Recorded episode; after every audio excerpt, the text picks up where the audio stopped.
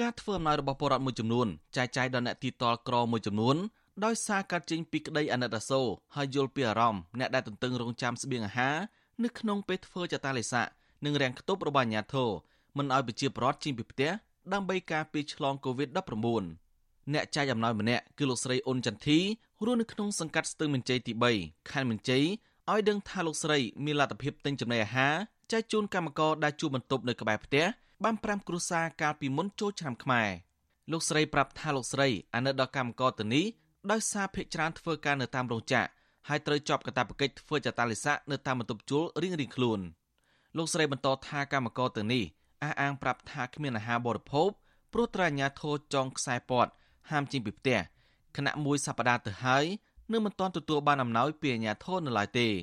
ទោះបីជាយ៉ាងណានៅពេលនេះ លោកស្រីអ៊ុនចន្ទធីលែងអាចធ្វើអំណោយជូនដល់អ្នកក្រីក្រក្បែរផ្ទះទៀតហើយដោយសារតែមិនមានលទ្ធភាពហើយមិនអាចជិះក្រៅផ្ទះបានដែរនៅក្នុងពេលកំពុងបិទគប់នេះខ្ញុំនឹកឃើញថាគាត់គេក្បែរខាងជាប់ខាងជាប់ភូមិជាមួយគ្នាអញ្ចឹងហើយពេលនឹកឃើញគាត់របៀប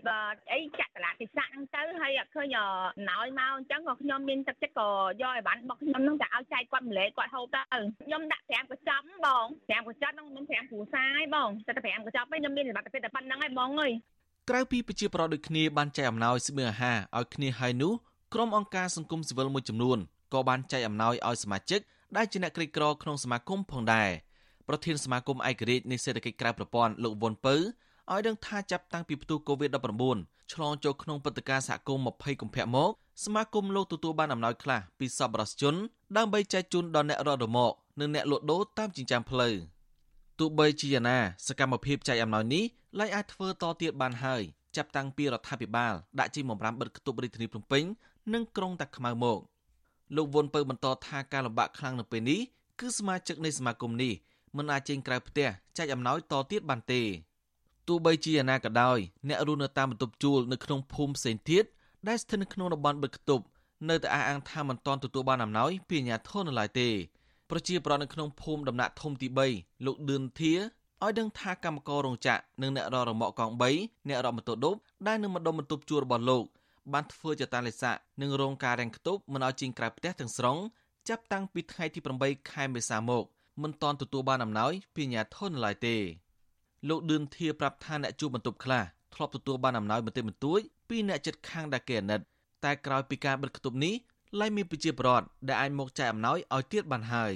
លោកអំពីវនីស្នើសុំអាជ្ញាធរមូលដ្ឋានប្រញាប់ចែកអំណោយដល់អ្នករងការរាំងខ្ទប់តាមបន្ទប់ជួលនៅភូមិដំណាក់ធំទី3ផង។ បាទគេបានដឹងដែរបងពីយកខ្សែមកពាត់ផ្ទះហ្នឹងផ្លូវជាប់ចេញហ្នឹងកុំឲ្យយើងចេញប្រទេសប្រដាស់អញ្ចឹងបងណាគេមានមកសួរផងអាជ្ញាធរភូមិឃុំហ្នឹងអត់មានមកសួរមកអីផងពេលរត់ទៅគេបាត់ឈឹងទៅតែអញ្ចឹងដែរគេឲ្យយើងធ្វើกระดาษជារឿនឈ្មោះនៅនឹងឲ្យទៅគេហើយហើយតែអត់ឃើញបងណាឲ្យទៅ3 4ថ្ងៃដែរបង3 4ថ្ងៃដែរហើយគេកាត់ឈ្មោះឲ្យកត់ឈ្មោះបន្ទប់ណាមនុស្សមានមនុស្សនៅអញ្ចឹងបងណា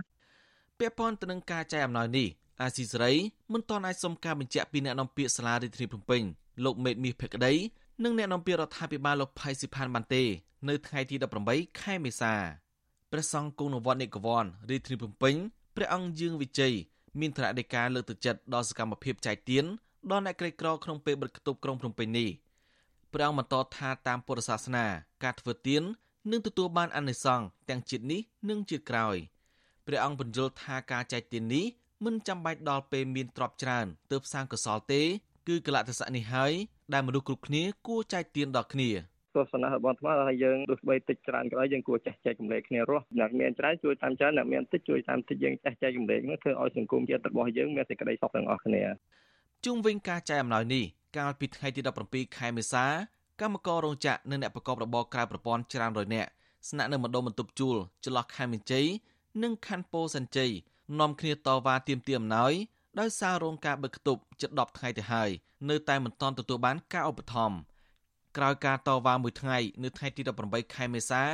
អញ្ញាធររាជធានីភ្នំពេញបានចាត់ឲ្យមន្ត្រីយកអំណាចបន្ទាន់ចែកជូនដល់ប្រជាពលរដ្ឋជិត1000គ្រួសារដែលកំពុងធ្វើចតាលិស័កនៅតាមផ្ទះតាមបន្ទប់ជួលនិងអ្នកដែលរងការរាំងខ្ទប់ក្នុងសង្កាត់ស្ទឹងមន្ជ័យទី3ខេត្តមន្ជ័យ